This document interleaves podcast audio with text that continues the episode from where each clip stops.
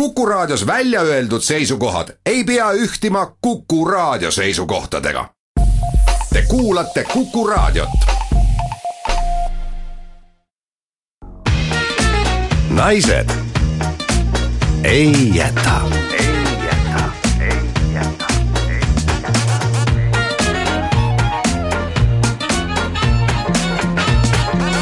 naised ei jäta tere hommikust, armsad inimesed, kell on üheksa läbi üksteist minutit, Naised ei jäta alustab taas stuudios Kristi Kool ja Marit Ummelas. tere hommikust, on neljateistkümnes mai, laupäev, mitte nii päikseline, kui me võib-olla harjunud oleme viimasel ajal. kuid vihma ei saja. Ei saja. lubatakse kogu aeg, et kohe hakkab, kohe hakkab. ei, mudel ütleb, et sajabki. Lahinal tuleb, aga Tallinnas ei tule. ei tule, no ei tule. mille üle me tegelikult ei, ei, otseselt ei kurvasta, aga samas vihma on vaja. me kurvastame muude asjade üle ja, ja Marit on lausa löödud, sest Marit on see, kes käib alati laupäeva hommikuti ja vaatab, kas ajalehed on tulnud ja toob need ilusti üles. lehed olid tulnud. lehed olid tulnud, lehti oli tulnud täna mitmeid-mitmeid kilosid lausa võib öelda, oli väga keeruline neid sealt postkastist kätte saada, mulle tundub, et meie postiljon on suurepärane meister kana toppimises mesipuusse sest ja. et kuidas toppida kitsast pilust sisse selline kubatuur igasugust materjali, on hämmastav, aga mitte sellest ma ei tahtnud rääkida tahtsin rääkida sellest, et koos ajalehtedega võtsime meie postkastist välja mitmeid kuldseid ümbrikke. meile ei olnud mitte ühtegi. Need olid ümbrikud suurele peole, suurele glamuuripeole, mis toimub juunikuus, kus Kroonika jagab välja äh, auhinnad parimatele no ehm, seal kandidaatide nimekirjas me oleme tegelikult olemas. ja meil tegelikult ei olnud plaanis üldse sellest nagu pikemalt rääkida või, või hakata me oleme nagu loomult sellised tagasihoidlikud naised, aga teate, konkurendid on ületanud kõik piirid. lugesime sel nädalal lehest, et Allan Roosileht lubab tulla kleidiga tööle, ta lubas oma kolleegi eest, et tema tuleb ka, kui nende kolmas kolleeg Pille Minev saab naiskategoorias, naisraadiohääle kategoorias võidu. jah selle peale ma võin öelda, et tead, Allan. me ka tuleme. me tuleme ka kleidis. me oleme mitu korda kleidis käinud ja minu meelest ei ole selles mitte midagi sellist murrangulist. ei ole jah et me võime ka vabalt kleidis tulla, ma ei tea, kas me siis tuleme kleidis, kui Pille Minev võidab ja võime siis ka kleidis tulla, minuga siis poolest. tuleme kleidis, igal juhul meie tuleme kleidis ja, ja, ja nüüd ma mõtlesin sellise puraka välja, et kui meie võidame no., siis me võime näiteks isegi sinna galale minna, lihtsalt kleidis. Lähme kleidis galale, suures kleidis. ja, kuidas meid saab galale aidata, väga lihtne, ma õpetan selle asja ka ära. trükite meelelahutusauhinnad, punkt, kroonika, punkt ee satute kohale sellisele vingele lehele, kus on niisugust kulda ja karda ja üks naine, juuksed tuules ja siis on äh, nominendid. esimene kategooria ongi kohe aasta naisraadio hääl. siit kerite, kerite, kerite, mina olen kohe Kristel Aaslaiu all, vot ärge pange aaslaid, pange, või võite aaslaid ka panna, ega ma vastu ei ole, aga pange Kristi Kool selle all, siis kerite natuke edasi, tšah-tšah-tšah, kohe Maris Kõrvitsa alla Marit Ummelas, panete sinna ka linnukese ja no kui tahate veel kedagi panna, pange veel. jaa, edasi võite juba hääletada täiesti südametunnistuse Just, järgi, täiesti vabalt võib seda teha, ega meie pahaks ei pane, tuleks üks tore pidu, paneme Just. kõik kleidid selga. jaa, nii, aga rohkem me sellest ei räägi, sest et äh, see ei ole nüüd kõige tähtsam asi ka siin maailmas. jaa, äh, siis me mõtlesime täna välja, täna on selline, lubab kogu aeg vihma, lubab vihma, et, et kuulake meie saade ära, mis tuleb põnev, paeluv, väga mitmetahuline oh, ja, ja, ja peale meie saadet võib minna rahus magama, sellepärast et õhtu tuleb pikk. Ja sellepärast, et äh, tuleb käia muuseumiööl ja tuleb ära vaadata Eurovisiooni finaal, nii et tegelikult vahepeal tuleb puhata, jah. ja, ja see saade saabki ühest ja teisest, et me räägime ka muuseumi käimise kogemustest oma vestlusringis ja tegelikult ühes muuseumis me käisime juba ära. Ja kes veel ei tea, siis kunstnik Flo Kasearu tegi Tallinnas endale ise koju kus ta ka elab, majamuuseumi. väga mõistlik mõte. jah, väga tore muuseum kuidas me seal käisime, sellest saab kuulda. ja siis muidugi meil on Eurovisiooni värki ka. jaa, terve esimese saatetunni me oleme Eurovisiooni lainel tead, mis mõte mul praegu tuli no.? kui muuseumiöö ja tänavune merekultuuri aasta on lainete teemal ja, ja meie esimene saatetund on Eurovisiooni lainel, siis see on ka natukene nagu kultuur ja meri niisugune kokkusattumus, jube tiibiks läks praegu ja, ära. Läks, läks. ühesõnaga, meie esimene saatetund on, on täielikult Eurovisiooni lainel ja sel, me räägime väga staažika Eurovisioonil käijaga mm. -hmm. räägime kohe pikemalt juttu, tema nimi on Marilyn Ma, Kongo. just, ta on käinud kolm korda Eurovisioonil, mõtelge ise. ja mis te arvate, mis te arvate, kui on ikkagi Eurovisiooni nädal ja võimalus teha eurolaul, kas Marit ja Kristi tegid oma eurolaulu? ei oskagi kohe öelda ei nüüd. tea, ei mõista, tea. mõista, mõista, kas mõista. me tegime. ja kas me kuuleme täna seda siin eetris? vot ei teagi ja kas kohe meid öelda. pärast seda enam siia eetrisse lastaksegi? see seda on ka ei kõige tea. suurem mõistatus, aga Ja. praegu kuulaks siis nüüd ühe ka kepsaka vanakooli Eurovisiooni laulu.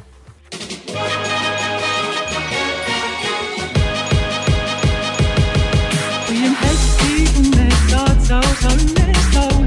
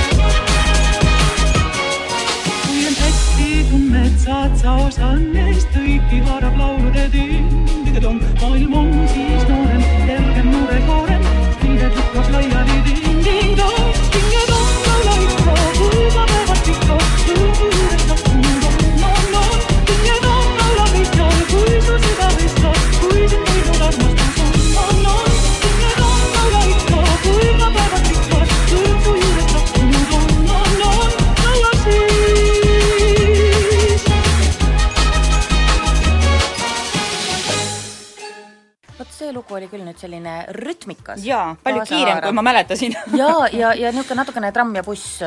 Just, just. jah, mulle meeldis. jaa.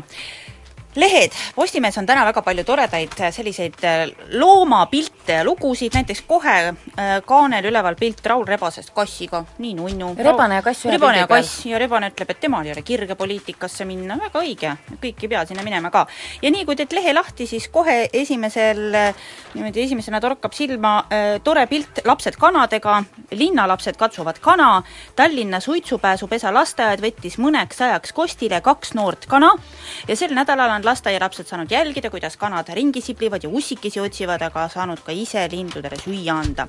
See on väga tore, peaasi, et kanad pärast kodus kohaneksid, minul on üks kogemus hanega. Nii, pidasid Hane ei korteris?, ei pidanud, see oli isegi kur-, kurvem ja karmim lugu. Rakvere teatris oli kunagi selline etendus, mida lavastas üks väliseesti lavastaja nagu Jäta mu hing rahule väga sür tükk oli ja noh, eks me sai, kriitikud olid tema vastu päris verised selle tüki vastu, seal oli igast imelikke asju seal tükis äh,, palju komponente, mille sees see hing võiks kõik olla, see oli väga sügav ja laval oli ka elus hani oo, jaa, hane nimi oli Neli, sest ta oli olnud vist pesakonnast neljas, kui ma õigesti mäletan.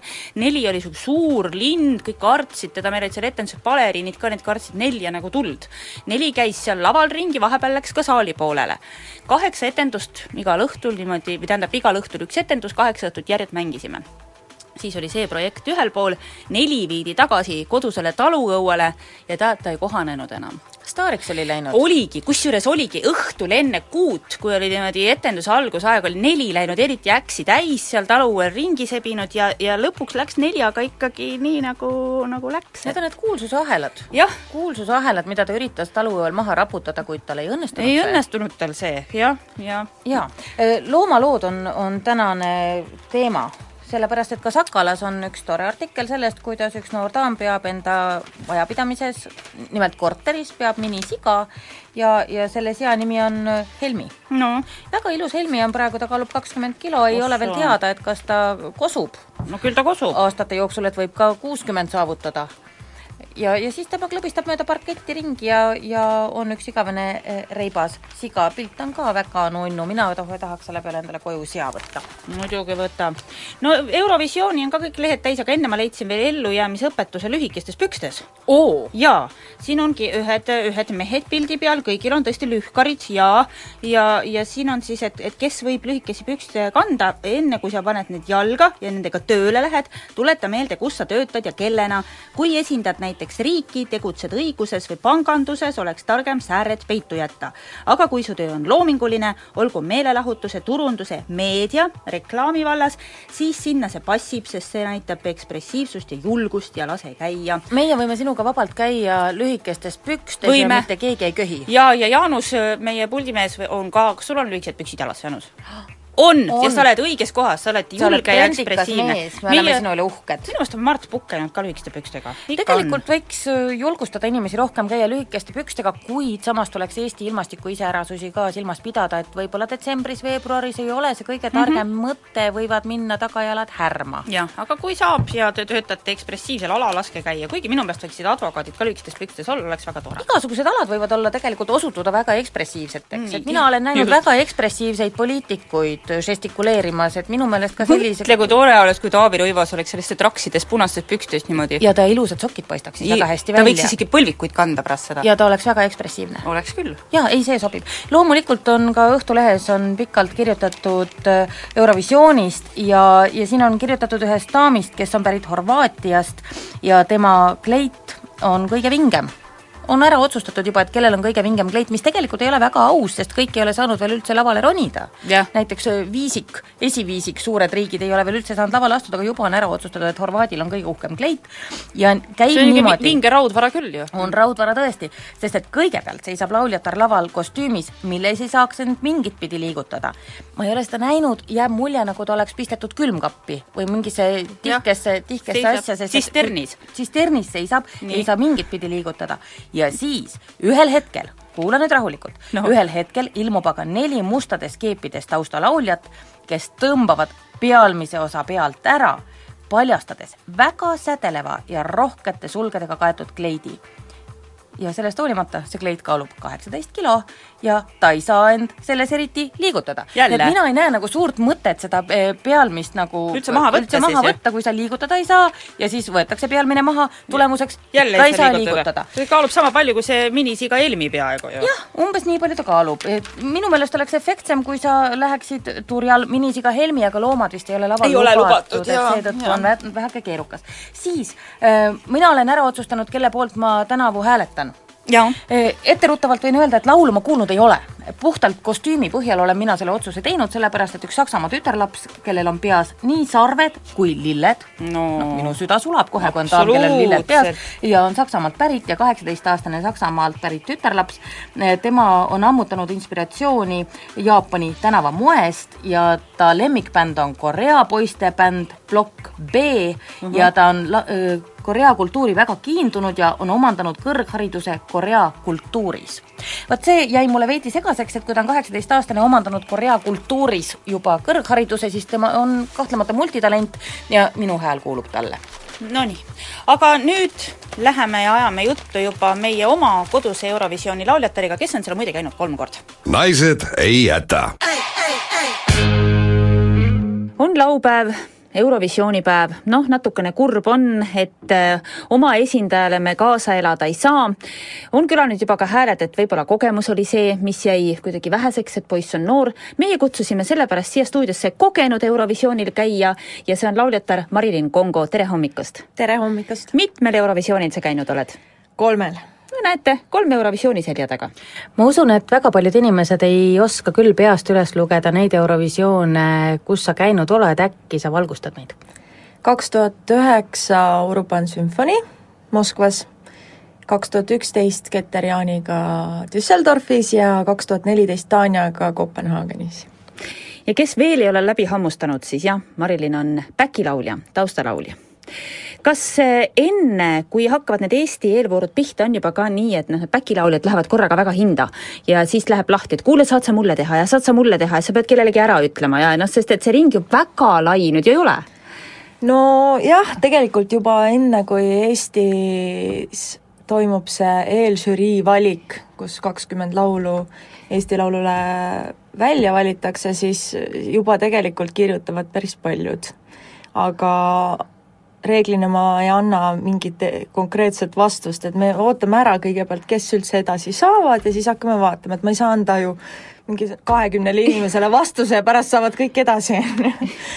et äh, aga jah, muidugi äh,, hakatakse helistama küll ja kirjutama märksa rohkem kui muidu.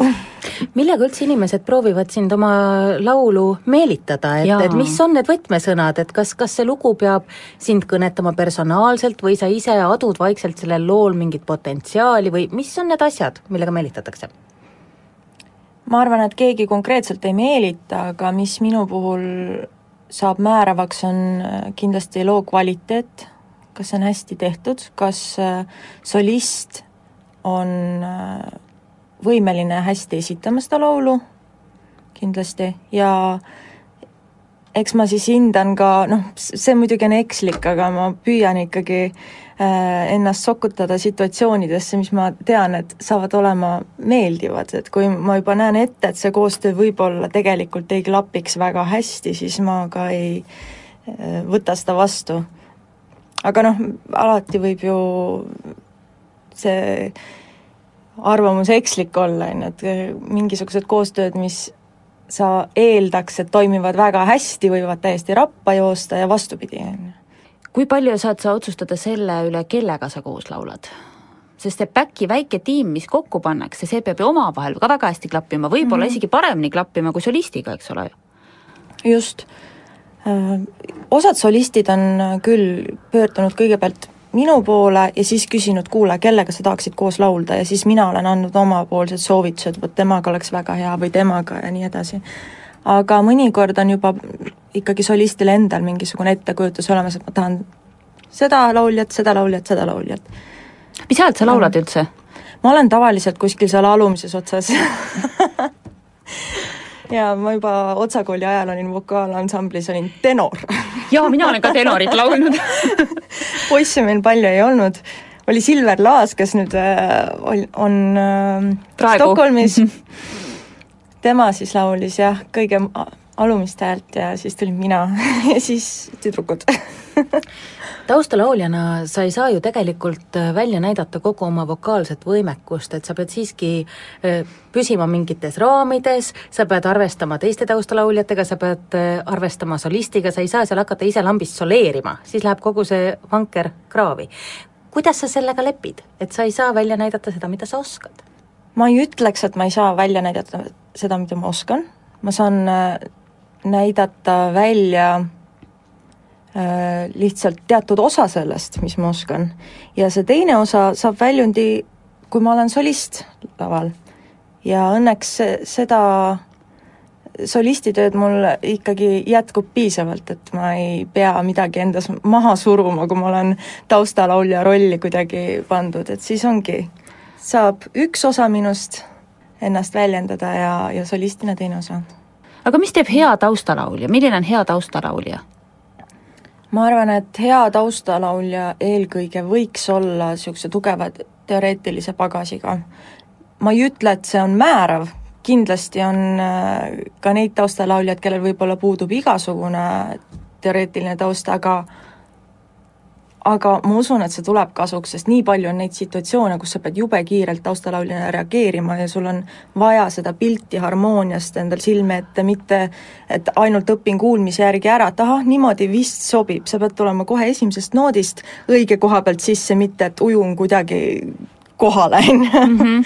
et äh, sellistes olukordades ikkagi tuleb vägagi kasuks, kui sul on rohkem teadmisi muusikast no millised on need situatsioonid, kus sa pead tegema kiireid otsuseid, et mina ei ole mitte kunagi taustal laulnud, ma tean, mida teeb laval solist, pealtvaatajana tundub, et taustalauljad teevad lihtsalt tšuu-up-tšua, no mis seal ikka valesti saab minna, valgusta.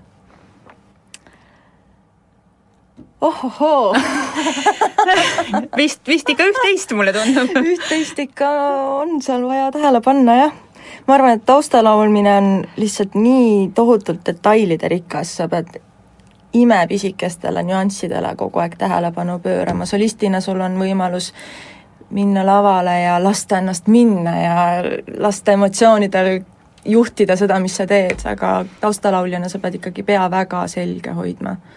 aga noh, neid äh, situatsioone, kus sa pead väga-väga kiirelt reageerima ja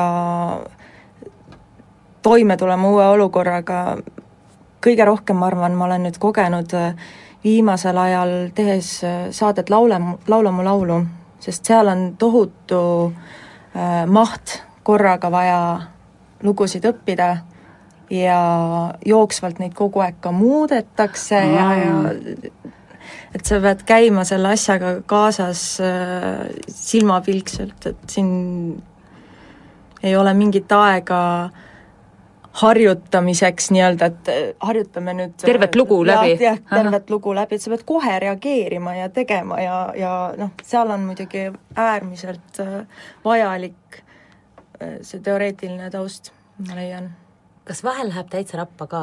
kas on olnud sul sellist situatsiooni, kui, kui jääbki laul jääb seisma? kogu back jookseb laiali ja, või? ja jooksete ära, ütlete, mul ei tule täna välja.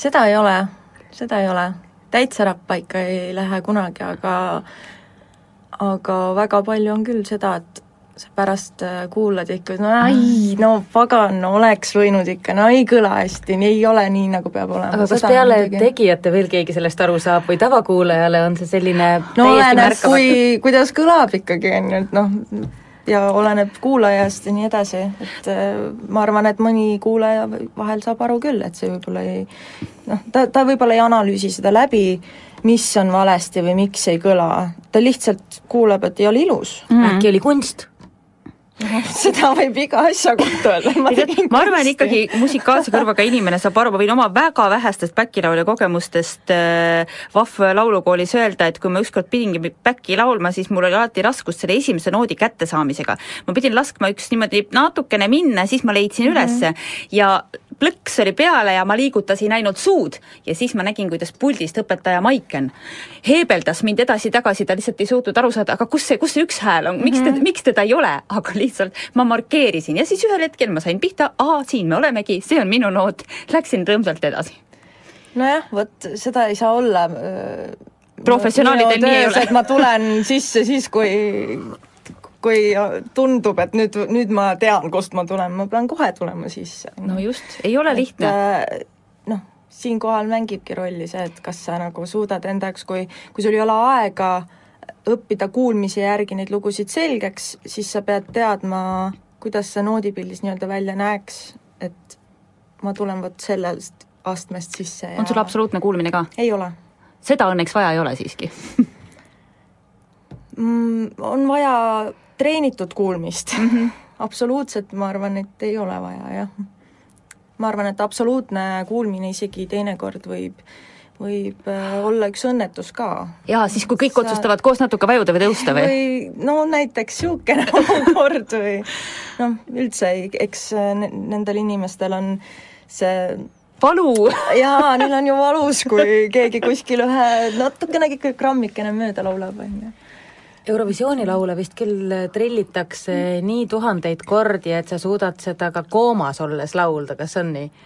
no ikka päris palju, jah mm. -hmm ma, ma ei tea, kas ma koomas neid laulaks äkki midagi muud jah, võib-olla laulaks midagi muud, aga aga eks ikka muidugi harjutatakse palju aga kuidas sa suhtud sellesse, et äh, väga mitmel Eurovisioonil ei ole ju taustalauljad üldse mitte laval, vaid seisavad kusagil lava taga, trepi kõrval, neid ei ole näha ja samas nad teevad tohutult rasket tööd, aga ei saa justkui nendest loorberitest osa? oleneb olukorrast. teatud olukorras on see täiesti õigustatud, et äh, taustajõud on pandud kuhugi tahapoole või lava kõrvale, kui kontseptsioon näeb seda ette ja, ja see on pigem kogu etteaste puhtuse näiteks säilitamiseks äh, hea, siis mul ei ole loomulikult selle vastu mitte midagi. et see on igal juhul parem kui see, et pannakse taustalauljad lavale, ilma et neil tegelikult äh, pildiliselt mingisugust funktsiooni seal oleks. ja siis peate ise mõtlema, teeme nüüd vasaku käega? jaa, jah, et kas me nüüd teeme siis teeme siis seda nipsu siin, on ju. et äh, täitsa oleneb olukorrast, aga noh, mis on oluline vahet ei ole, kas taustalauljad on laval või need on lava kõrval või lava taga, et tunnustust ikka on vaja kõigil, et siis kas kuidagimoodi ära märkida või, või noh, et äh, eks taustalauljad ikkagi annavad väga palju laulule juurde ja ilma selleta kindlasti lugu ei kõlaks nii, nagu ta peab kõlama. no aga sealsamas Eurovisiooni melus äh, suured staarid on loomulikult solistid, aga kas samasugust või noh, ütleme mingit tähelepanu pööratakse ikkagi taustajõududele ka? oleneb, mis sa, mis sa silmas pead täpselt, et kas mingid fännid jooksevad no, äh, minu juurde kas, ja tahavad autogrammi? autogrammi küsitakse või? punasele vaibale ju Pigem taustajõudu ei lasta. ei lastagi või? häbilugu? oleneb, vahel lastakse ka mm. -hmm. Ketteriga me olime küll Punasel vaibal ka ja temaga oli lausa nii, et tegelikult me andsime suur osa intervjuudest koos temaga.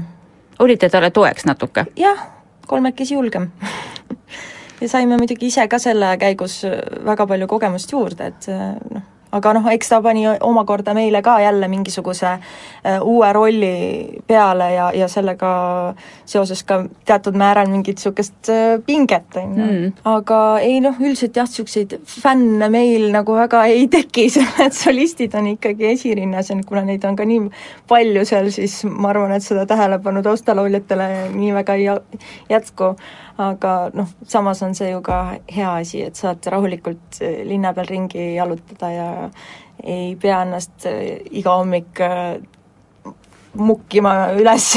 Mida sa soovitaksid Eesti inimesele, kes on tüüpiliselt väga kriitiline kõige suhtes, mida ta kuuleb ja näeb, need, kes täna õhtul hakkavad vaatama nüüd seda finaali ja tundes eestlasi, vaatavad nõme laul, koledad kostüümid noh, sellised äh, kriitilised nooled käivad, et mida need inimesed tegelikult peaks äh, seal vaatama ja kuulama, sina, kes sa oled seal kolm korda käinud, kes sa tead, mis seal tegelikult toimub?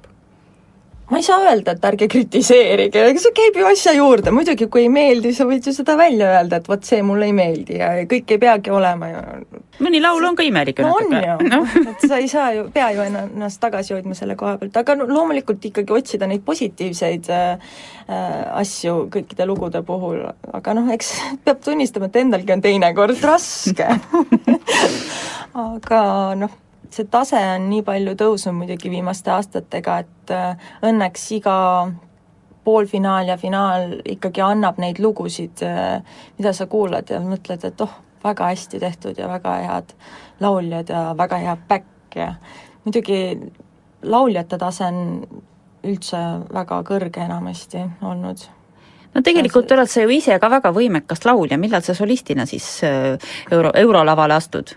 No vot, iga kord, äh, kui olen käinud, siis tekib seal kohapeal olles küll selline tunne, et vot ükskord tahaks ise ka ja siis on see Eesti Laulu eelvoor käes, kui kui kõik hakkavad sulle kirjutama, jah. kui, kui tegelikult pole nagu ise solistina jälle nagu ühtegi lugu äh, saatnud sinna ja siis on natuke kurb meel, aga ma ei ole muidugi seda mõtet enda peas täielikult maha matnud, see kogu aeg tiksub siin, ma arvan, et võib-olla siis, kui on õige aeg, siis ma nagu tunnen ära selle, aga noh, ma arvan, et minu puhul juba oleks äh, suur samm edasi see, et ma üldse saadaksin mingi loo eelžüriile hindamiseks ja ja kui see pääseks sealt kahekümne sekka, siis ma oleksin juba väga õnnelik. nii et õhtuks on selge, kuhu me siis kõik kolmekesi järgmisel aastal sõidame, sest meie Kristiga võtsime ka nõuks kirjutada ühe euro, eurolaulu ja loodame, et sa tuled meile siis back'i laulma.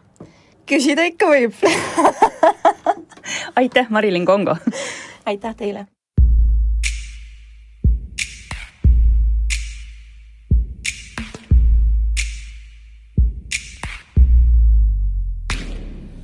Listen to the sound of thunder rolling in the soul down under. Far beneath the skin, it rumbles. Step to the step of the drum that rolls inside. Be you enemy put here to discover the heart that beats within each other. We're gonna wrap up, up, wrap up, up. We're gonna wrap up, up tonight. And if we die tomorrow. What do we have to show for the wicked ways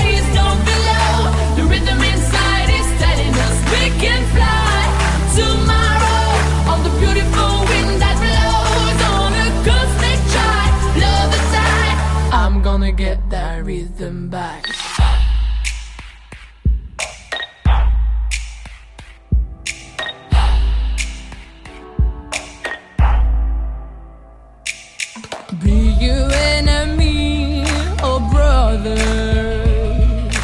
we were put here to discover the heart that beats within each other. We're gonna wrap up up, wrap up up, we're gonna wrap up up tonight. And if we die tomorrow, what do we have to show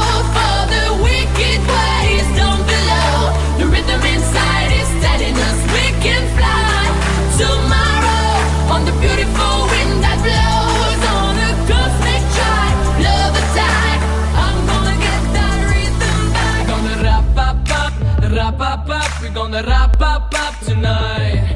We're gonna wrap up up, wrap up up. We're gonna wrap up up tonight. We're gonna wrap up up, wrap up up. We're gonna wrap up up tonight. We're gonna wrap up up, wrap up up. We're gonna wrap up up tonight. And if we die tomorrow, what do we have to show for the wicked ways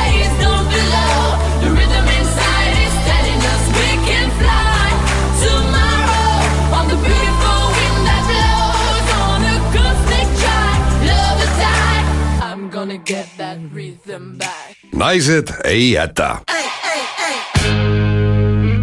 nagu me eelmise intervjuu lõpus ka ütlesime, kirjutasime tõepoolest Maritiga valmis eurolaulu.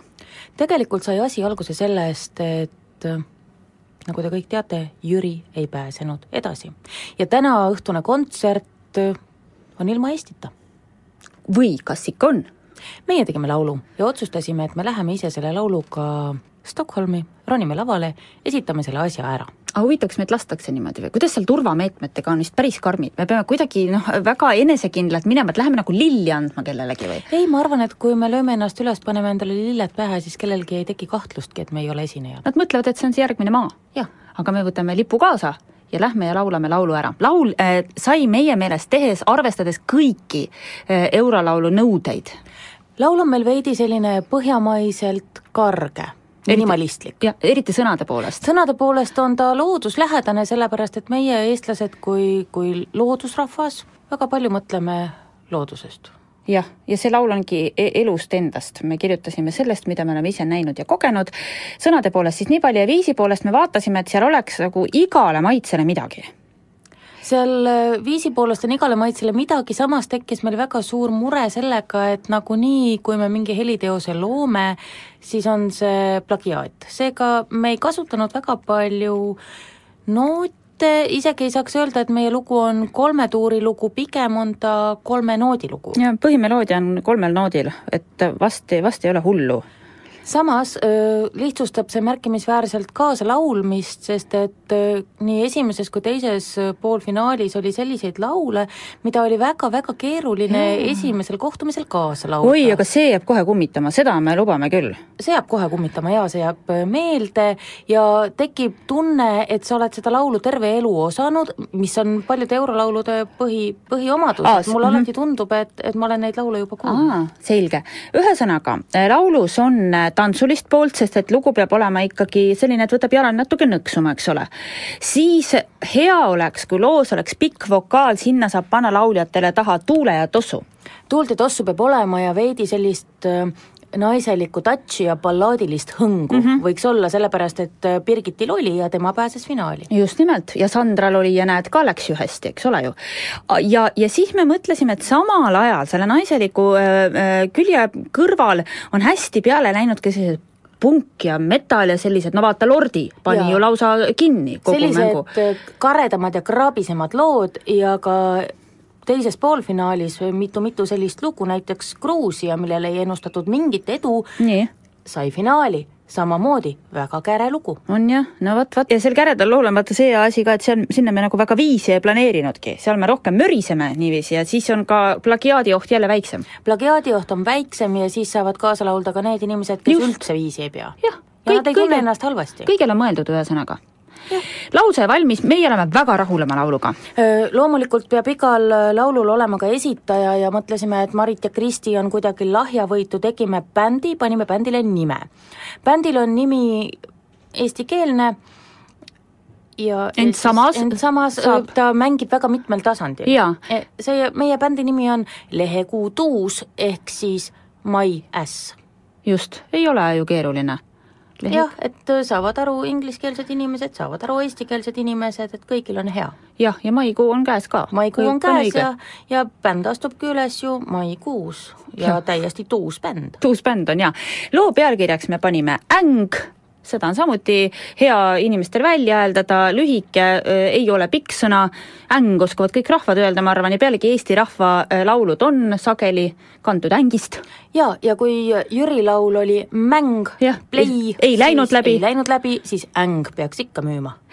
ühesõnaga, tegime laulu äh, ja oleme selle üle ise uhked, aga öö, me testisime seda niimoodi oma koduringkonna peal, mõnedele väga meeldis, mõned jäid vaikseks ja imelikuks ütlesid, et on omapärane. omapärane. võib-olla sellepärast, et meie pillide valik äh, on ja. selline minimalistlik, minimalistlik, ega meil kodus väga kontrabassi ja, ja trumme ja selliseid aparaate ei ole, me piirdusime käepäraste vahenditega, meil on üks plastmassist saksofon, millel on neli klahvi, ta on veidi häälest ära, aga sellest ei ole midagi. ei ole, ei ole hullu ongi just pungim mm -hmm. ja, ja siis oli meil üks selline juhtmega süntesaator, mis patareidega ei tööta, aga juhtmega töötab küll ja, ja rütmi toksib ta meil ilusasti. ja ma isegi süntesaatoriks ei julge seda nimetada, tal kokku vist oli kaks pool oktaavi üldse seda mahtu, aga meil ei olnud oktaavi vaja, meil oli vaja metronoomi. meil oli metronoomi vaja, metronoom on jube kallis. jaa, päris metronoom on kallis, nii et see, sellega meil läks hästi, pluss meil on väga hea bändipillid kokku pakkida ja palun, kui keegi tahab meid tellida, me oleme avatud pakkumistele, pealegi meil on veel mõned laulud, päris mitu. jaa, meil on laul Pardist ja meil on laul, ah, tead, mis me siin latrame, kuulame parem selle loo ära siis on kõik õnnelikud. ja ärge ehmatage, et see lugu lõpeb niimoodi poole sõna pealt, sest eurolaulul on reglementeeritud pikkus kolm minutit ja täpselt kolmandal minutil see lugu lõpebki. Mis on sääsekesel muret, konn on sääsekese mure, neelab tervelt alla, neelab tervelt alla. mis on konnakesel mured, hirmus nastik on ta mure, järab konna jalga, järab konna jalga. mure on suur,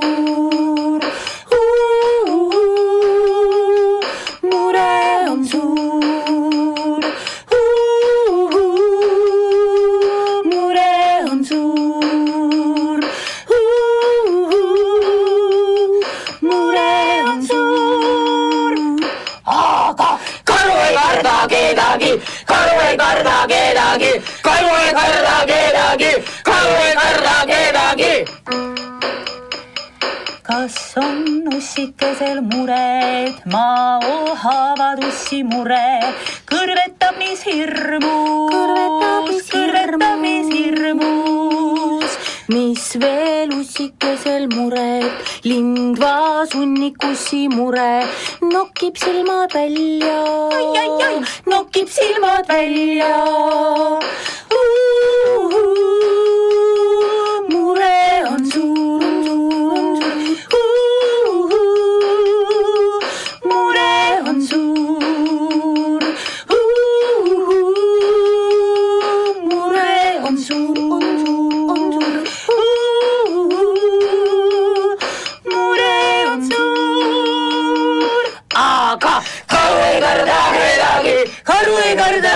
kedagi, karu ei karda kedagi, karu ei karda kedagi. mudukas.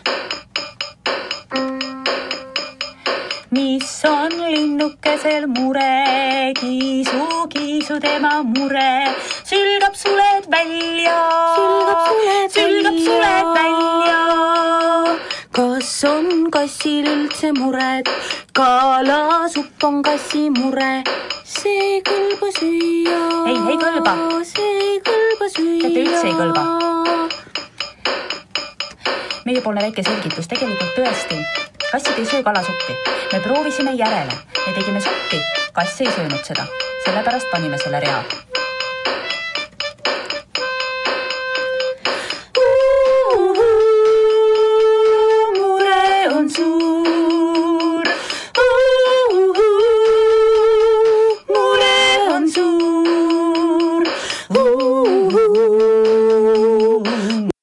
naised ei jäta.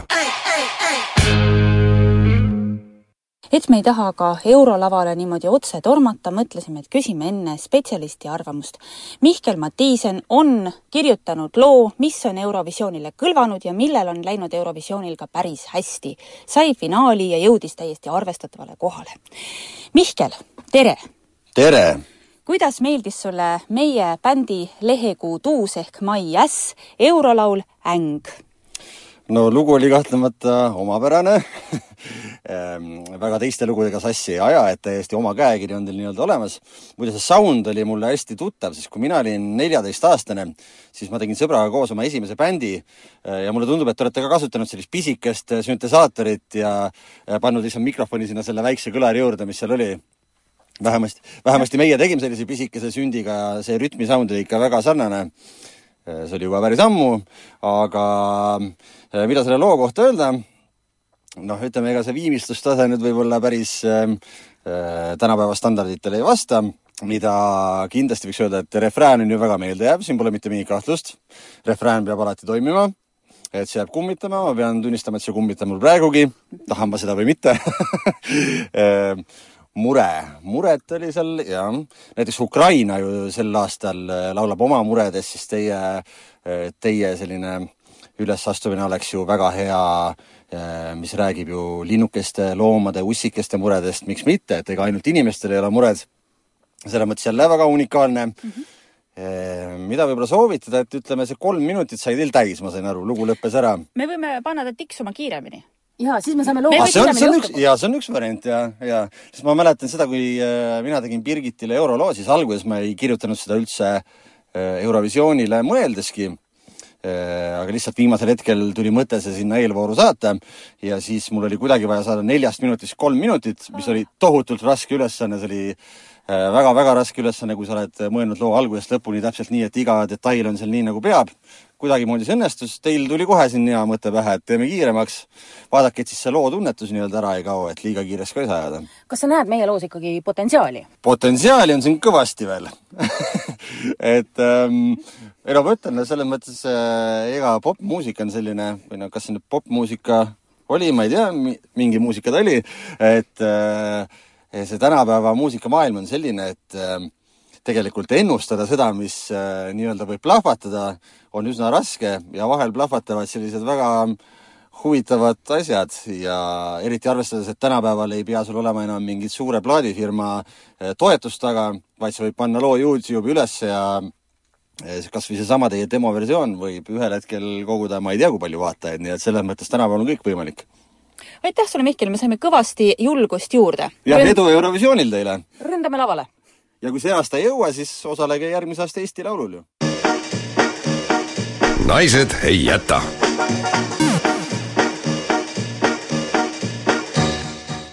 kell on nüüd kümme läbi kaheksa minutit, Naised ei jäta teine saatetund on alanud ja stuudios on endiselt Kristi ja Marit. kuigi me vaatame, et siin meie akna taga hakkab politsei millegipärast juba kogunema, tõenäoliselt sellepärast, et ajada laiali neid meeletuid fännide horde, kes meie eurolaulu peale on kokku jooksnud. arvad jah? mul on endal noh, kerge kahtlus, vaata saade nagu ei läinud käima ka, et äkki, äkitsi meid võeti juba maha, arvasin ma korraks. et noh, sa ju iial ei tea, mis eks ju peale läheb, mis mitte juhtkonnalegi näiteks Aa. või aga, aga et noh, ja politseil võib ka olla hoopiski teine funktsioon ei, siin. aga mõtle positiivselt. mõtleme positiivselt ja meie jääme eetrisse, kuniks meid siit jõuga eemaldatakse. teisaldatakse lausa võib öelda, jah. Meil on laul valmis ja me paneme selle muide, kes tahab kuulata, me oleme saanud ühe kirja vähemalt, et kuulaja Kaisa tahab seda lugu kindlasti kuulata veel. meil on olemas selle loo täispikk versioon ka, mis ei lõpe sõna pealt, kus me ilusasti lõpetame ikkagi pikemalt la lõpetame, see on niisugune see lauge maandumisega lugu tegelikult. Ritenuto tuleb seal, seal on veel väga palju igasuguseid äh, huvitavaid asju. ja, ja sinna loo, see on hea lugu, sellepärast et sinna võib loomi panna juurde. sinna võib loomi panna juurde, sinna saab igaüks teha ise salme juurde vastavalt ängile, mis teda on just hetkel tabanud, kuid äh, ärge unustage, et, et ikkagi meie oleme selle loo autorid, nii et iga lisatud looma või ängi eest Me... palun meile siis jah ja., see läheb ikkagi autori kaitse alla kuniks keegi ei ole öelnud, et tema hoopis kirjutas selle loo enne valmis, aga ma ei usu. ma ei usu, aga inimesed on ju ilusad ja head. jaa, just, ja on küll, meie kuulajad vähemalt. nii et jah, see, selle, aga lõpetame praegu, käige meie lehele aeg-ajalt vaatamas, Naised ei jäta Facebooki lehele, me katsume tänase päeva jooksul selle loo üles panna. käige seal tihti vaatamas, sest ega me ise ka päris täpselt ei tea, millal see lugu sinna üles läheb mm. -hmm. et me käime ise ka vaatamas, et kas ta juba on läinud, vahel läheb, vahel ei lähe. küll ta läheb. et küll ta noh, õhtuks vast on läinud. just, nii et Naised ei jäta Facebooki leht on see, kuhu peate minema, aga nüüd jätkame muuseumi teemaga. vestlusringi daamid on juba kohal, nende kõigi pea jagame muuseumis käimise kogemusi ja muuseumis töötamise kogemusi, kuivõrd mõlemad daamid on äh, ise äh, muuseumitöötajad. aga enne käime ise ühes väga toredas muuseumis. naised ei jäta. täna on muuseumiöö, mis tähendab seda, et täna on harukordne võimalus külastada üle terve Eesti erinevaid muuseume. raha vist ei pea maksma ei pea jah, ja hilisematel õhtutundidel, et kui muidu muuseum läheb sealt seitsmest või mõni ka kaheksast kinni, siis muuseumid on lahti kes kümneni, kes üheteistkümneni, nii et jõuab rahulikult käia. Tallinnas on üks selline muuseum, millest mina, raputan nüüd endale tuhka pähe, ei olnud tegelikult varem eriti kuulnud. ja kuna sellest midagi kuulnud ei olnud, siis leidsime, et on väga paslik tulla vaatama, et millega siis tegu. me oleme praegu Kristiga Flo Kasearu majamuuseumis ja Flo istub siin meie juures, tere hommikust! tere hommikust! no majamuuseum tähendab äh, tavaliselt seda, et on mõni äh, meie hulgast lahkunud inimene, kelle kunagises kodupaigas on siis asjad välja pandud, siin äh, härra Tammsaare või Vilde või kes tahes kirjutas, see on tema sulg, siin on tema sokid, siin on tema tass äh, ja siis meie saame vaadata, mitte eriti lähedalt. aga Flo Kasar on igatahes kõige õitsvamas ja ilusamas eas, aga ometigi tegid sa majamuuseumi jaa, tegin, sest äh, sattus selline olukord, et äh, see maja, mis siis minu majamuuseum on, et äh, kogu selle tagastamisprotsessi käigus nii-öelda tagastati meie suguvõsale see maja, mis siis on parasjaolt sellises noh, tondilossis ja niisuguses olukorras ja siis, äh, kuna ma enne elasin äh, ühikas siis ma loomulikult tahtsin tulla siia elama, sest ma olin juba pikalt elanud kaheksa koma üheksa ruutmeetri peal Kunstiakadeemia ühikas ja nii edasi. ja siis ma tulin siia, hakkasin vaikselt nagu korda tegema ja kutsusin ka sõpru ja kuna ma olen nii-öelda kunstnik äh, ja mitte selline traditsionaalne maalikunstnik, vaid pigem teen, töötan väga erinevates meediumites ja ka töötan kohaspetsiifiliselt, siis oli loomulik, et kuidagi selle maja ja selle kohaga hakkas ka erinevaid, kõigepealt väikseid aktsioone väikseid nagu töid ja ideid tekkima ja need kasvasid järjest suuremaks ja selle tulemusel oligi hästi orgaaniline kuidagi tulemus see Majamuuseumi projekt, mis ma siia majja tegin, et kasutades ära siis nii-öelda seda maja, seda keha ja kogu neid mõtteid, mis mul tekkis, sest nüüd või noh, tekkis selline olukord, et ma olin nüüd nii-öelda nagu endale kodu saanud, sest enne ma elasingi nii-öelda üüripinnal, aga nüüd ma sain tegelikult siin endale nii-öelda kodu ja see kodu teema ja majaomanikuks olemise teema, ma sain vahepeal ka lapse, emaks olemise teema, vabakutseliseks kunstnikuks olemise teema, et kõik need teemad nii-öelda saavad käsitletud siin majamuuseumis. kui üle sinu majamuuseumi läve astuda, siis võib öelda, et see ei meenuta ühtegi tüüpilist muuseumi, kus ma varem käinud olen sellepärast et siin ei tule panna jalga kilesusse, siin ei pea olema tasa ja need tööd, mis siin on eksponeeritud, ei ole raamis seina peal ilusasti üksteise kõrval, vaid siin on sul igasugust, igasugust kunsti. Ja see on jah, tõsi, siia võib tulla koera, lapsega ja erinevat moodi, et äh, natuke teistsugune muuseum ja siin tuleb leida see kunst äh, selle muu elu, äh, mööbli ja, ja asjade seast vahelt ülesse. ja siin ei ole ainult see meediumipõhine, vaid tõesti, siin on kõike, siin on niisuguseid interaktiivsemaid osasid nagu see liuktrepp, kus siis inimesed saavad ise alla lasta ja on olemas videosid, suured maalid, objektid, et siin on väga erinevaid asju, mis siis lihtsalt tegelikult kõik on ideepõhiselt, et olenevalt mingit mõte tuleb ja see, millises meediumis ja kuidas ta on lahendatud, et see on nagu vastavalt ideele, meil on olemas ka muuseumi saun, mis on ka siis, kui muuseum sai üheaastaseks, siis me nii-öelda avasime muuseumi sauna, kus siis külastaja saab ka tulla ja käia kunstnikuga saunas ja rääkida kunstist ja elust. see ei ole kogu aeg avatud, vaid see on ka nii-öelda, nii-öelda siis etteteatamistega on äh, saun et äh, selles mõttes see on jah, natukene nagu võib-olla teistsugusem kui Tammsaare muuseum, aga samas mul on olemas ka selline tüüpiline osakond, nagu me ka praegu oleme siin nii-öelda Flo Kasaru Majamuuseumi esemekogu, kus on olemas ka Flo Kasaru laud ja Flo Kasaru tool, aga ei ole ainult need üksikud esemed, vaid siin on nagu kõik minu, minu esemed on, äh, asuvad siin ruumis. no sest sa siin sa reaalselt eladki, see on sinu korter? jaa, see on minu korter, mida ma olen nimetatud esemekoguks, jah. üks asi on küll muuseumi moodi, äh, siin on sellised piirde toikad äh, punaste äh, piiravate ribadega. kas tegelikult on nii, et ikkagi päris niimoodi oma magamistuppa see inimesi ei lase või? no selles mõttes neid piirdeid on jah, need on siin esemekogus, et piirata tõesti minemast magamistuppa ja, ja dušinurka. Need on olemas ka seal enne seda liugtreppi lihtsalt igaks juhuks ja üleval vist pööningul on ka, jalgeldris on ka enne töökoda, et inimesed ei läheks sinna äh, nagu, sest need töötajad, kes mul töökojas töötavad, nad ei taha, et nad oleks kogu aeg nagu nähtavad ja vaadeldavad, vaid et äh, seal on selline ka nii-öelda delikaatne piire on olemas, et selles mõttes see on tõesti üks asi, mis natukene noh, nagu piirab. siis mul ei ole mingeid probleeme oma kodu avada teistele, natukene on vaja lihtsalt seda midagi nagu piirata ka, aga läbi samas klaasust on ikkagi võimalik näha, kus, kus ma puhkan ja kus ma nii-öelda või kus kunstnik peseb, et selles mõttes seda on nagu vaadelda võimalik, aga sa ei, tõesti ei saa sinna minna nagu kuule, sa ei eksponeeri ainult oma elu, sul elab siin ka äh, abikaasa ja, ja poeg, et on nad sellega nõus, et nad on ka niimoodi, siin on äh, see, see nurk, kus me puhkame ja siin on see nurk, kus me mängime? jah no selles mõttes muidugi nad on äh, nõus, noh, nad, nad ei ole alati siin, kui ma teen tuuri, kohal, siis kui on vaja või kui nad on kodus, siis nad osalevad ka selles tuuris. vahest on tõesti nii, et me tuleme esemekogusse ja siis näed, seal on tehniline direktor ja seal on äh, nii-öelda laps ja maskott ja et selles mõttes, aga nad äh, noh. see ei sega neid see ei sega neid, pigem on nagu lõbus ja tegelikult on ka lõbus meil vaadata või ka neil vaadata, kes tulevad meid nagu vaatama, et see on nagu vastastikune selline vaatamine ja jälgimine, mis on tegelikult nagu täitsa lõbus. See on ju natuke nagu loomaaias, et hunt vaatab sind ja sina vaatad hunti. ja täpselt, et see ei ole ainult nii, et, et meie vaatame hunti, tegelikult hunt vaatab samamoodi, aga noh, siin ei ole keegi puuris küll, et selles mõttes, et äh, kõik on nagu vaba liikumine, et neid, nad vahest on siin, aga nad ei pea olema kodus või noh, nad mis iganes, kõik on hästi loomulik, et, et kas noh, kas nad on kodus või ei ole samal ajal, kui tuleb ka külaline, et see on niisugune kuidas kunagi. kust maalt üldse muutub äh, mingi asi muuseumiks, et kui mul näiteks on kodus neli vanniparti, kas, kui ma panen nad kodus köögilaua peale ritta ja nimetan selle asja muuseumiks, siis see ongi muuseum? selles mõttes ma arvan, väga palju asju on nimetamise küsimus ja see, kuidas sa usud millessegi.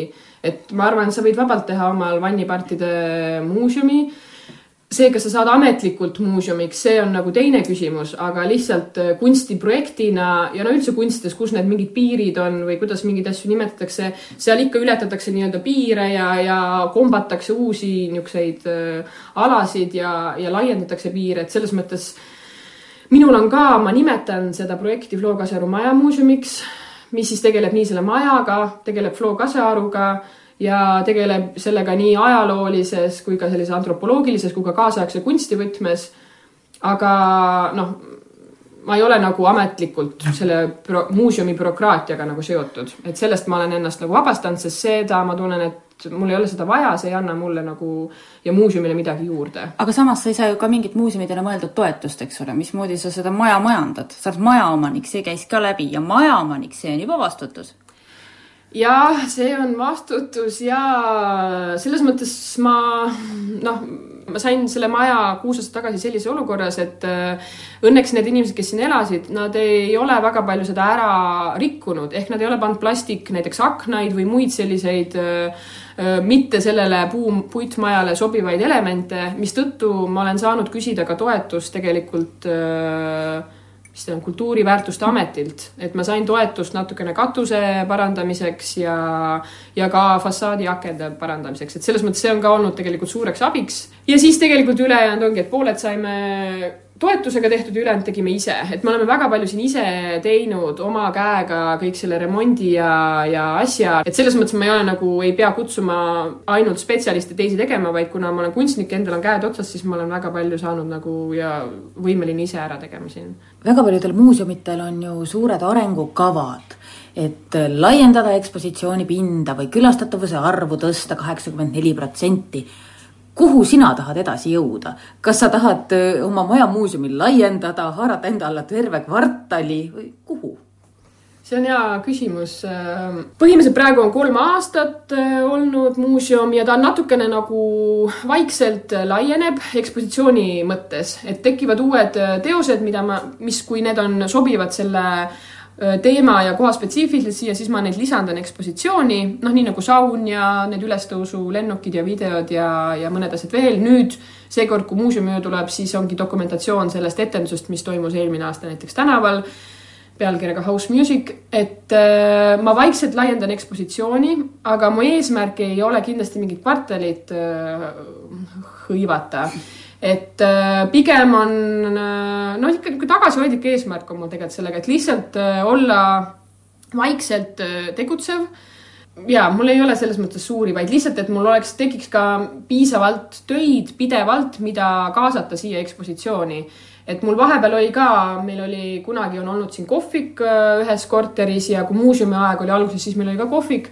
aga ma ei näe, kuna ma olen ka kunstnik, siis ma ei taha ka tegeleda mingisuguse kohviku pidamisega ka, et, et tegelikult ma tahakski hoida seda fookust, et siin on nii-öelda kaasaegne kunst läbi põimitud siis kuidagi elu ja keskkonna ajaloo ja kõige selle muuga, mis siin on et fookus on nii-öelda seda teha siis nii-öelda kunstiprojekte juurde ja jah, võib-olla ongi see, et kui muidu jah, Tammsaare Vilde muuseumid on nii, et kui nemad surid ära, siis on ju suguvõsa või keegi või mingi fond tegi nii-öelda nende muuseumi sinna majja, siis minu puhul on jah see, et mina üritan hoida üleval elus seda enda majamuuseumi võib-olla nii kaua, kui ma siis elan, aga siis ma ei tea, kui ma nagu enam ei ela, et kas siis minu muuseum lõpeb just siis ära, et kas see irooniliselt on just nagu selles mõttes jah, nagu või siis kas see jätkub seal ka, et võib-olla ma pean, mu eesmärk on nii palju hoida, et siis pärast minu, mind oleks ka keegi hoiaks seda elus veel või kuidagi või ma ei tea. Selles mõttes ma ei, mul ei ole nagu väga suuri eesmärke, sellepärast et kuna ma tee, töötan kaasaegse kunstniku ja mul on samal ajal väga palju muid projekte, millega ma tegelen, et selles mõttes see on ainult üks minu projektidest, mis ma teen, ehk siis see niimoodi vaikselt on, kasvab ja siis, et ma samal ajal, et mul oleks piisavalt aega tegeleda teiste projektidega. No igatahes mina arvan küll, et ega siin midagi rääkida väga ei saagi, siia peab lihtsalt kohale tulema, et näha, kuidas neljas keeles hiir jookseb trepi all ringi, et näha, kuidas saab mööda treppi liugu lasta, et näha, kuidas on volditud katuseplekist lennukid, no mida kõike veel? siin on kõike ja see on üks harukordne muuseum, kus sa tunned ennast nagu kodus siis see on kodu. aitäh sulle, Flo! aitäh! ja muuseumiööl on kõik oodatud? ja kõik on oodatud kuuest üheteistkümneni olen mina avatud. Äh, giidituurid on laupäeval kell üheksateist kolmkümmend ja kell kakskümmend üks ja arvatavasti kell kakskümmend viisteist tuleb ingliskeelne tuur ka. ja saun on avatud umbes kella kümnest, kui keegi soovib tulla, siis kui on võimalik, siis võtta oma rätik kaasa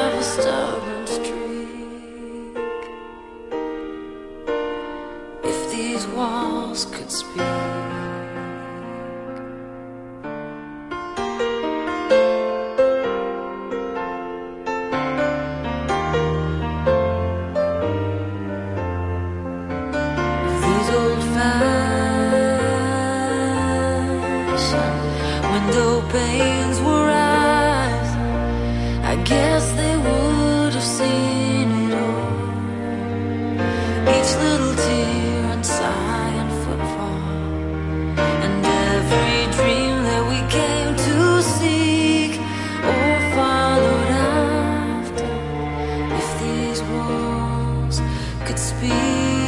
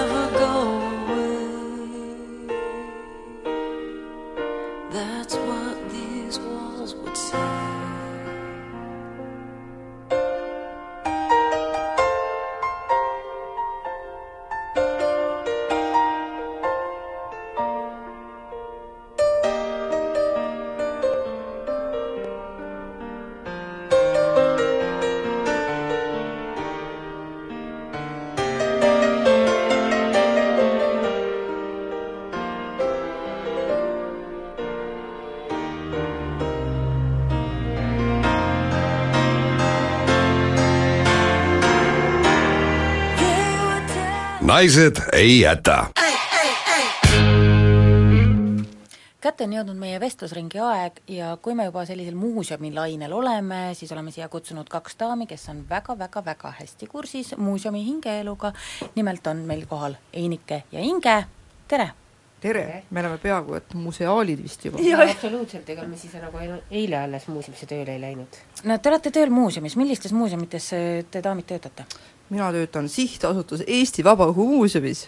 Mina töötan Eesti Ajaloomuuseumis, mis veel ei ole sihtasutus. selge, no küll saab seegi tehtud.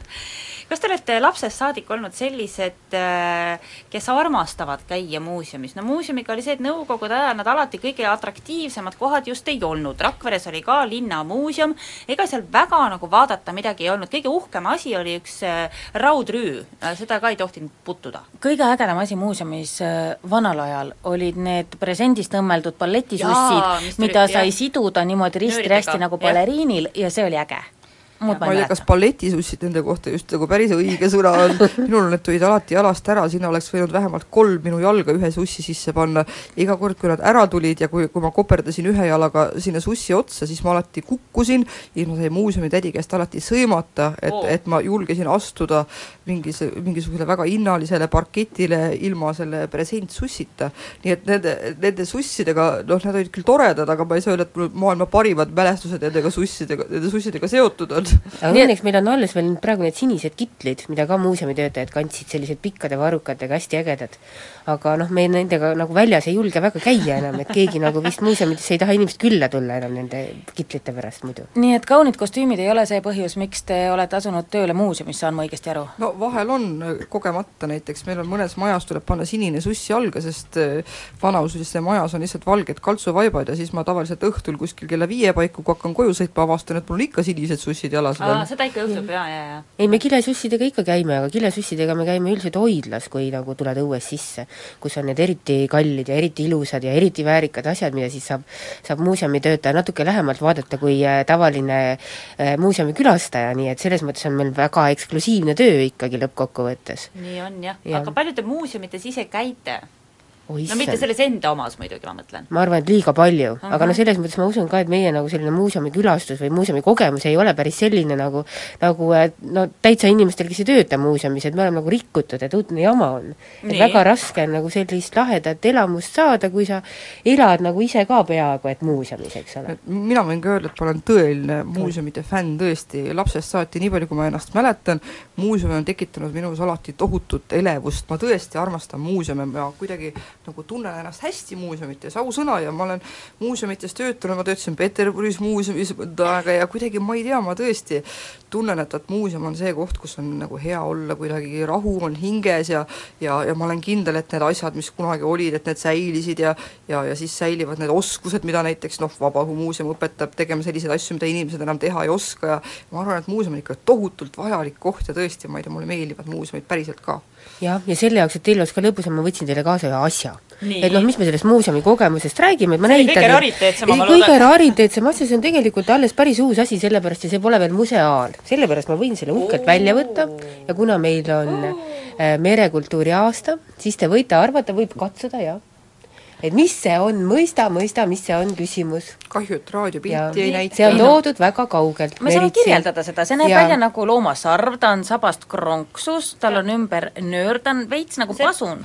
tuleb vaadata seda viimast, viimast otsa, seal on midagi, mis, mis, mis näitab, et ta ei ole sarv. see on, äh, tegelikult on mingi kaun. see, kaunast on ta valmistatud küll jaa, aga see on tegelikult rõivaese ja kuna naiste saade, siis äh, võib arvata, et see naiste rõivaese ei ole aga selle kohta on ta kuidagi nagu pikk ja käänuline või? no vot, aga ega siis no, ei ole kerge see elu, eks ole. jaa, jaa, ikkagi nagu siin peaks ütlema, et suurus loeb hmm.. Vau jaa, see on selline rõivas, annab minu kätte, jah? see on tegelikult Margiisaartelt pärit äh, peenisekaitse ja tegelikult see on väga värske, see on alles mõned aastad vana, suveniirina ostetud ja te-, ja neid on noh, nad on tehtud sellisel samal meetodil nagu kakssada aastat tagasi umbes mm.. ja selle tõi meile lihtsalt, vaata muuseumi töötaja elu on ju tore, et meil on ajaloomuuseumis on meil väga äge võõretnograafia kogu, noh täna õhtul natukene eh, sellest ka räägitakse lähemalt ja näidatakse nii mõndagi põnevat ja seesama asi on siis, eh, seda meil ei ole ja üks Canberra uurija tõi siis meile selle kingituseks. noh, niisuguseid kingitusi nagu ikka vahest tuleb. see on äge. see teeb veidi murelikuks, sest siin sees on sellised tagused nöörid, äkki hakkab hõõruma no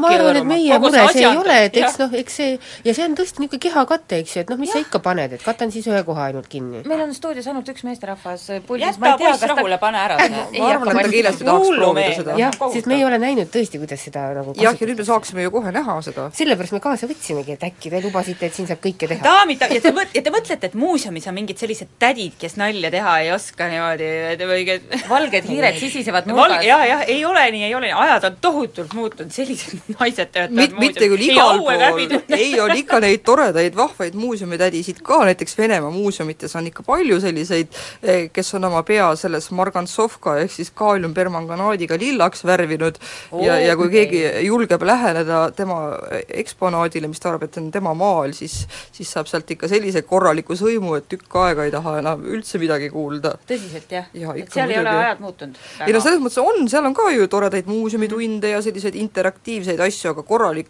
kui ikka korraliku sõimu järele on isu, siis tasub ka minna sinna ja tasub ikka võimalikult lähedale eksponaadile minna.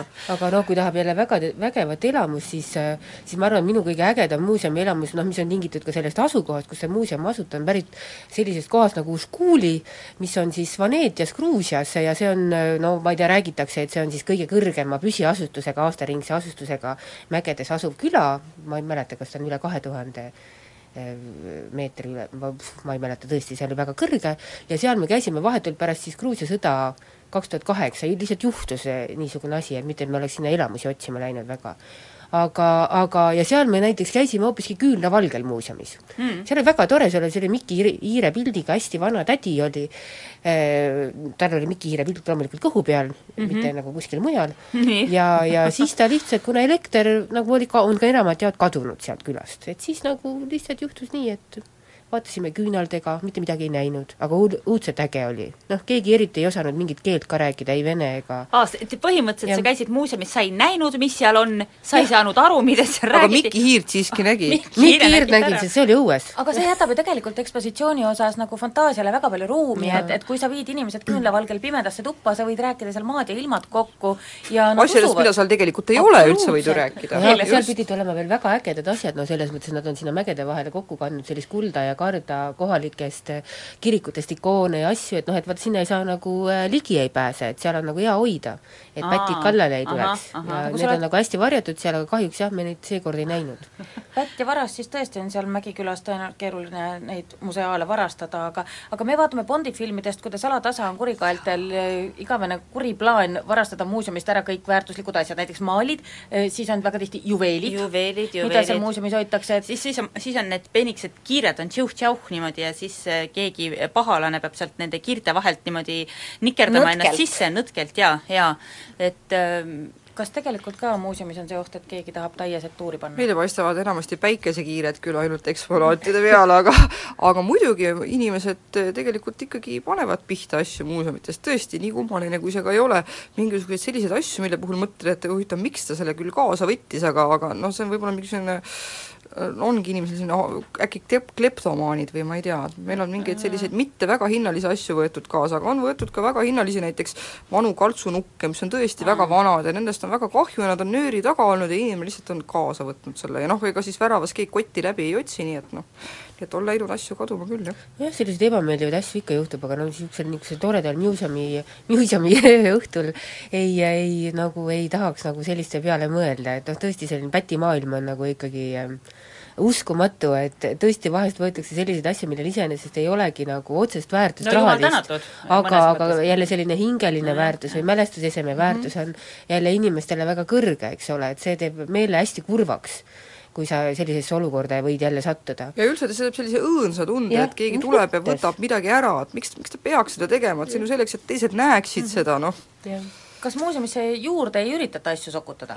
see on täitsa omamoodi ju teema, mõtle, keegi mõtleb, et see oleks ju äge, kui minu asi oleks siin ja no oi, te ei kujuta ette, kui palju, ei, meil ei, meil salaja ei sokutata.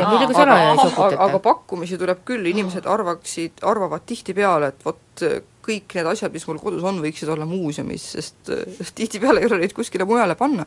aga niimoodi on muidugi meile sattunud ka väga-väga väärtuslikke Mm. esemeid, et on teinud, tehtud selliseid tõeliselt hinnalisi annetusi, et, et see on väga-väga teretulnud nähtus, aga tõesti pakutakse ka asju, noh, mida meil tõesti ei olegi mitte kuskile panna ja siis me no peame meile alati viisakalt ära ütlema. olla pakutud äh, kolleeg, kolleegidega igaks juhuks rääkisin ka, kolleeg Ivar rääkis, et nendele nõukogude ajal oli temal nagu kõige parem asi, mis talle pakuti, olid äh, unenäod Leninist. No mis sa oskad ütelda? et kas ajaloomuuseumi taha koguda unenägusid Leninist, no miks ei tahaks, eks aga kuidas sa neid kogud? ja neid võib ju juurde tekkida ka pidevalt tegelikult. Ega tänasel päeval võib on ju tee lahti. kui mina järgi mõtlen, ma olen ka võib-olla Leninit mõnikord unes näinud. oh, tõesti või? ja, ja, kas te olete huvitatud? kuule, kui see on väga hea unenägu aga tegelikult tänapäeval ju muuseumid muutuvad kogu aeg interaktiivsemaks, et siis on võimalik need unenäod Leninist lavastada. Ja, ja kõik nad filmina üles võtta Just, just. ja siis saab näidata kõikidele unenägusid Leninist. just, just, ERM kogub igasuguseid neid äh, vanu lugusid, et samamoodi kirjandusmuuseum ka ja jah, jah, et on. mis on kõige ägedamad muuseumid veel, kus te, no kõige jaburamad, erilisemad, Inge rääkis ühte kogemust, kus küünlavalgel ta ei näinud midagi, aga kus, mis muuseumites te veel käinud olete, mis, mis muuseumid kõik üldse olemas on? no vist ei ole asju, millest ei ole muuseumid tehtud et noh, Peterburis pidava, pidada olevat maailmas kõige rohkem muuseumi üldse, no seal on noh, viinamuuseum on ilmselt igas riigis olemas, õllemuuseum, hügieenimuuseum, et no Hügieenimuuseum? hügieenimuuseum, jah Oo. et no, kalmistu muuseum on jaa. Iirimaal, mis on isegi auhinna saanud. et noh, tegelikult on neid lihtsalt nii, nii, nii, nii palju ja no mida ei ole, vot kõige ägedam on see, mis tuleb nüüd Helsingisse ka, on äh, purunenud suhete muuseum. ja, ja purunenud kuulnud, jah. suhete muuseum ja tuleb nüüd oma ekspositsiooniga või mingi näitusega tuleb külla Helsingisse, nii et vaadake, et kes tahab näha, milline on purunenud suhete muuseum, ma saan aru, et seal jutustataksegi lugusid, näiteks seal on kiirvees, millega keegi tahab, tahtis kellegi maha lüüa, noh, ma ei tea, kas see oli armukadedus, ma täpselt ei mäleta seda lugu, aga noh, kindlasti täitsa nagu niisugune vahva värk. ei tea, kas õnnelikus suhtes olev paar võiks üldse sinna minnagi? Ma arvan ikka tasub, ma arvan, seal on ikkagi- seal võib olla küll ja pääsed huvitavat ainest. ei, aga võib-olla on see just preventiivse loomuga külastus, et käid, vaatad, et okei okay,, ei tasu selle välja viimata prügipange pärast hakata nüüd saagi käima tõmbama, et las ta jääb. muidu on varsti, muidu on varsti kirves kodus, ei jah, ja kui mees tahab minna suitsu ostma nurga taha, siis äh, öelda, et ära mine, mul on olemas juba pakk, sest tavaliselt kui ta läheb suitsu ostma, siis ta ei tule enam aastakümneid tagasi. no ma arvan, meil Eestiski on igasuguseid toredaid muuseume, kuhu nagu võib-olla igapäevaselt ei satu, meil on Kalevipoja muuseum on Järvamaal, eks ole, mis meil veel on, meil on igasuguseid asju väga, väga toredaid muuseume on tõesti. nii et kui me tahame endale ise muuseumit teha, et siis suure tõenäosusega kusagil maailmas on see juba ära tehtud. kusagil on meie muuseum juba olemas või? meie, me, mina olen ühe korra teinud muuseumi, õigemini tegi selle minu väike poeg, kes toona oli viieaastane, nimelt toimus see kõik Kaali järve kõrval, seal oli ilus puhkeala, olid pingid, toolid, tema korjas hulgaliselt kruusakive, ladus nad sinna laua peale ritta ja teate, bussitäis turiste, kes saabus, äh, olid väga huvitatud. Nad eeldasid, et tegemist on meteoriiditükkidega ja mm. nad võtsid järjekorda, tahtsid neid osta. oli tükk aega seletamist, et ei, et tegelikult on need kruusakivid, aga noh, minus ei ole ka väga palju ärivaistu. oleks ma natukene nutikam, oleks ma seal ikka letitäie kruusa maha lükanud. ja oleks võinud praegu sellest rahast siiamaani elada veel. jah, aga see oli jah, meie ainuke võimalus muuseumi rajada, aga mis muuseum on puudu? Mina ei tea küll, et midagi puudu oleks, no Hiiumaal on see Eiffeli torn on tore, kuhu mees ehitab igast vahvaid asju, et neid toredaid muuseume tekib ju ikka nagu seeni peale vihma. No,. ma arvan, et see muuseum, mis puudu on, see kohe tekib ka, sest keegi kindlasti teab, et tal on midagi puudu ja ta tahab midagi näidata, aga noh, ma arvan, et selles mõttes, et ega no küll küllale liiga ei tee, et, et noh, kui igaüks tahab omale tähtsaid asju näidata, ja tahab seda näidata mitte noh, nagu siin oli enne juttu, Flo Kaseru tahab oma kodus seda teha, siis mm -hmm. no miks mitte tõesti. ja, ja näiteks Aarhusis on ju väga vahva vabaõhumuuseum, The Gamle-Püü, et seal on, seal on äh, muuseumis on muuseum, et milline oli vanasti muuseum.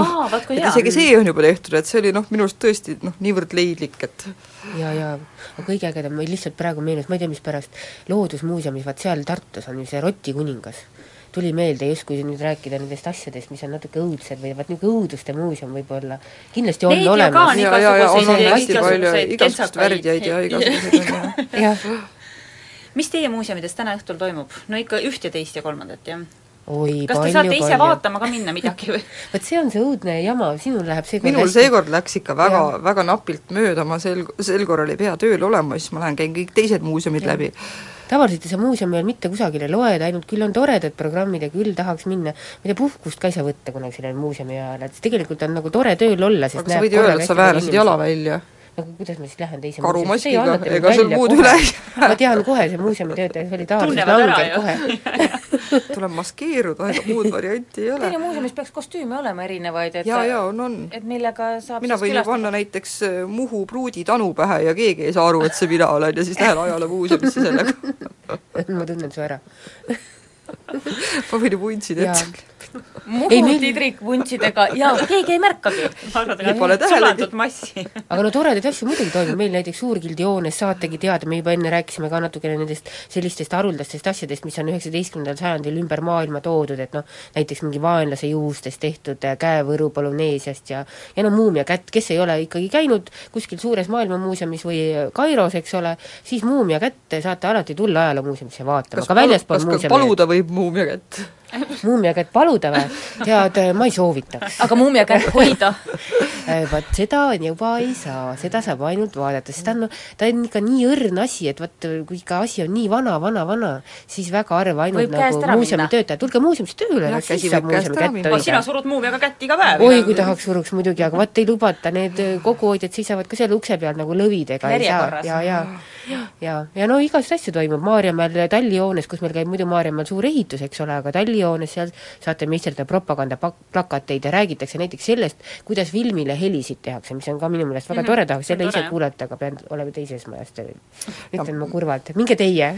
nii, nüüd hakkan kähku mina oma muuseumi kiitma, et meil on hästi suur pluss teiste muuseumite ees, meie muuseum on hästi suur, meil on tohutul hulgal hektareid ja kui kuskile mujale muuseumisse ei pääse, näiteks väikeste lastega vanalinna muuseumid on alati nii ülerahvastatud, siis Vabaõhumuuseumis on alati ruumi laialt nii palju, kui kulub ja talud on avatud.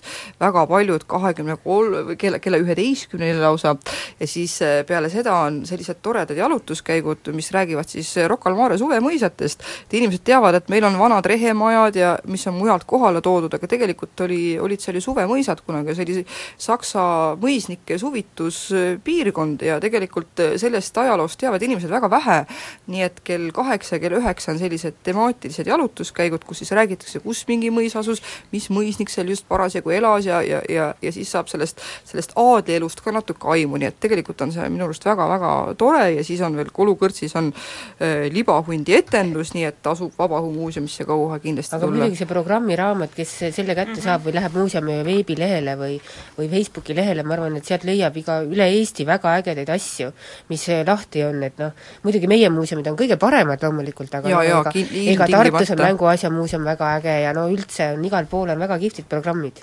minge kõik muuseumisse täna öösel, suur tänu, Enike! Ja tulge Suur kõik muuseumisse!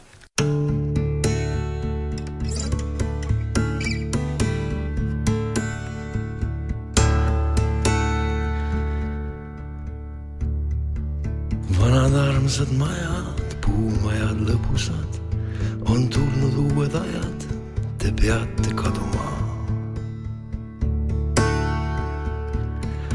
Kui palju teis on soojust ja elu läbi käinud, kes mäletab te noorust, kes on te sündi näinud.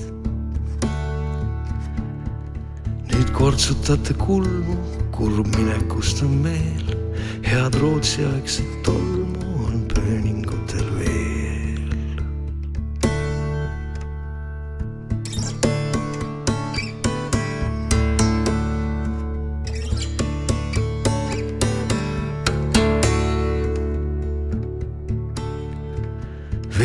veel tubades tapeedid, mil kenad roosid peal ja köökides veel pliidid ja vajavaimud head.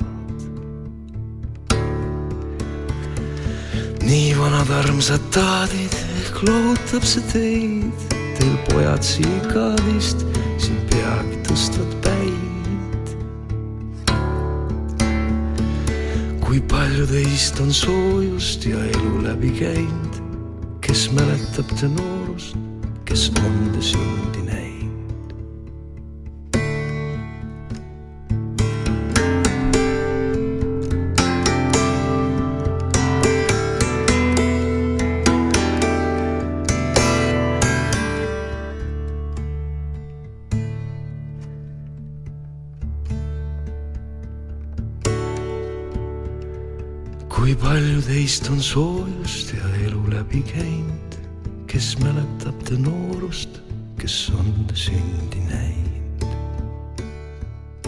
naised ei jäta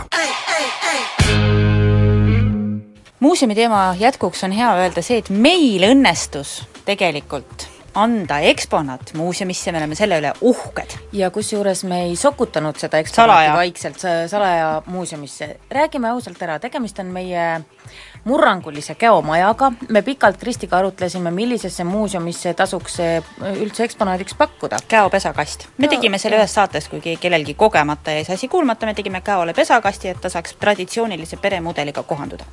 ja esiti arvasime, et äkki Metsamuuseum või siis Ringhäälingu muuseum, sest et siiski on see raadiosaates valminud käomaja mm, -hmm. Mhm. mis seob teda tihedalt Ringhäälinguga. just, just, aga ma ei kujuta ette, kui me nüüd läheme Türile rõõmsalt käomaja kaasas, eks ole ju, astume üle selle väärika muuseumi ukse ja ütleme, et tõime tervist, me Tervist. tõime teile teile- pesakasti. just, just. Kuku raadiost oleme meie jaa, me oleme see raadio mõtlevale inimesele, et, et me tahaksime oma käopesakasti panna siia kuskile Harri Tiido pildi kõrvale. jaa, no võib-olla nad viisakate inimestena oleks selle vastu võtnud ja siis vaikselt kusagile peitnud ära trepi alla ära. ja Felix Moori kuju taha kuskile, nii et keegi ei näegi seda. ja Metsamuuseumiga oli meil sama kahtlus, et, et tõenäoliselt ka, et viisaka inimesena nad oleks nad vastu võtnud ja öelnud jaa, kui Omapärane. omapärane paus oleks kandnud, eks ole, ja, ja siis samamoodi jälle trepi all oleks see Mhm. meie taies lõpetanud. jah, aga no kui me olime ära, ära käinud Flo Kasaru majamuuseumis, siis me saime aru, et kõige õigem koht käomaja viia on sinna õue peale, seal olid mitmed täpselt sellised käopesapuud sobivad. pesapuud oli palju ja samas ka kontseptuaalselt mm. -hmm. meile tundus, et enim sobib meie käomaja kontseptsioon, kui nüüd üldistada mm, -hmm. eks ju, sellest vaatenurgast, siis kunstiliselt ta haakub mm -hmm. ja resoneerub kõige ehedamalt just nimelt Floo Kaseru Maja muuseumiga. jaa, me näitasime Floole käomaja pilti, ta kiitis selle heaks ja täna õhtul muuseumi ööl viime pidulikult käomaja muuseumisse see on siis Naised ei jäta annetus Loo Kasaru Maja muuseumile. kunsti nimel. me oleme nii uhked. me oleme väga uhked. aa, no nüüd selle lauluga ka jah, tulnud veel meile üks kiri, et kindlasti tahaks meie eurolaulu Äng esitajateks äh, bänd Lehekuu tuus ehk Mai Äss koosseisus Marit ja Kristi, et tahaks seda lugu veel kuulda, no, no ikka peame selle lehele üles panema, pole parata. me hakkame nüüd seda üles riputama, see võib võtta aega, ei ole see nii lihtne. ei ole, natuke tuleb nuputada, aga küll me välja mõtleme, saate selle loo, saate? paneme selle siis lingi Facebooki üles päeva jooksul, tulge kõik meie Facebooki lehele, käige muuseumis, elage Eurovisioonile kaasa. õige, õige, täna on nii palju teha. täna on nii palju teha et.... ja muide, täna on ka viimane aeg kohale minna. jaa, sellepärast et äh, Marko Pomerants allkirjastas määruse, määruse, millega kehtestatakse merel, merel kohavarude kaitseks kohapüügikeeld alates viieteistkümnendast maist, nii et täna on neljateistkümnes, käige kohal ära, homme kohal, enam kohale homme ei tohi minna. kohale ei saa homme ei saa kohale, kui lähed kohale, siis saad karistada. jah, ära mine homme kohale, kohal käi täna meie hakkame kohalt ära liikuma me hakkame ilmselt. kohalt, me lähme kohale. me lähme, käime, käime me kohal. käime kohal ära kas me sinna Eurovisioonile jõuame, no seda vaadake õhtul järele, kui te näete, et pärast, ma ei tea, mõnda mõnda laulu trükime me lavale ja meid kohe ära ei aeta, siis tuleb see laul Äng juba täna õhtu. äng tuleb võib-olla täna õhtu, võib-olla tuleb äng mõni teine kord. jah, aga ega äng ei jää tulemata ilusat äh, nädalavahetuse jätku teile, head sõbrad, ja no midagi ei ole teha, järgmine nädal saame jälle kokku, kõike head!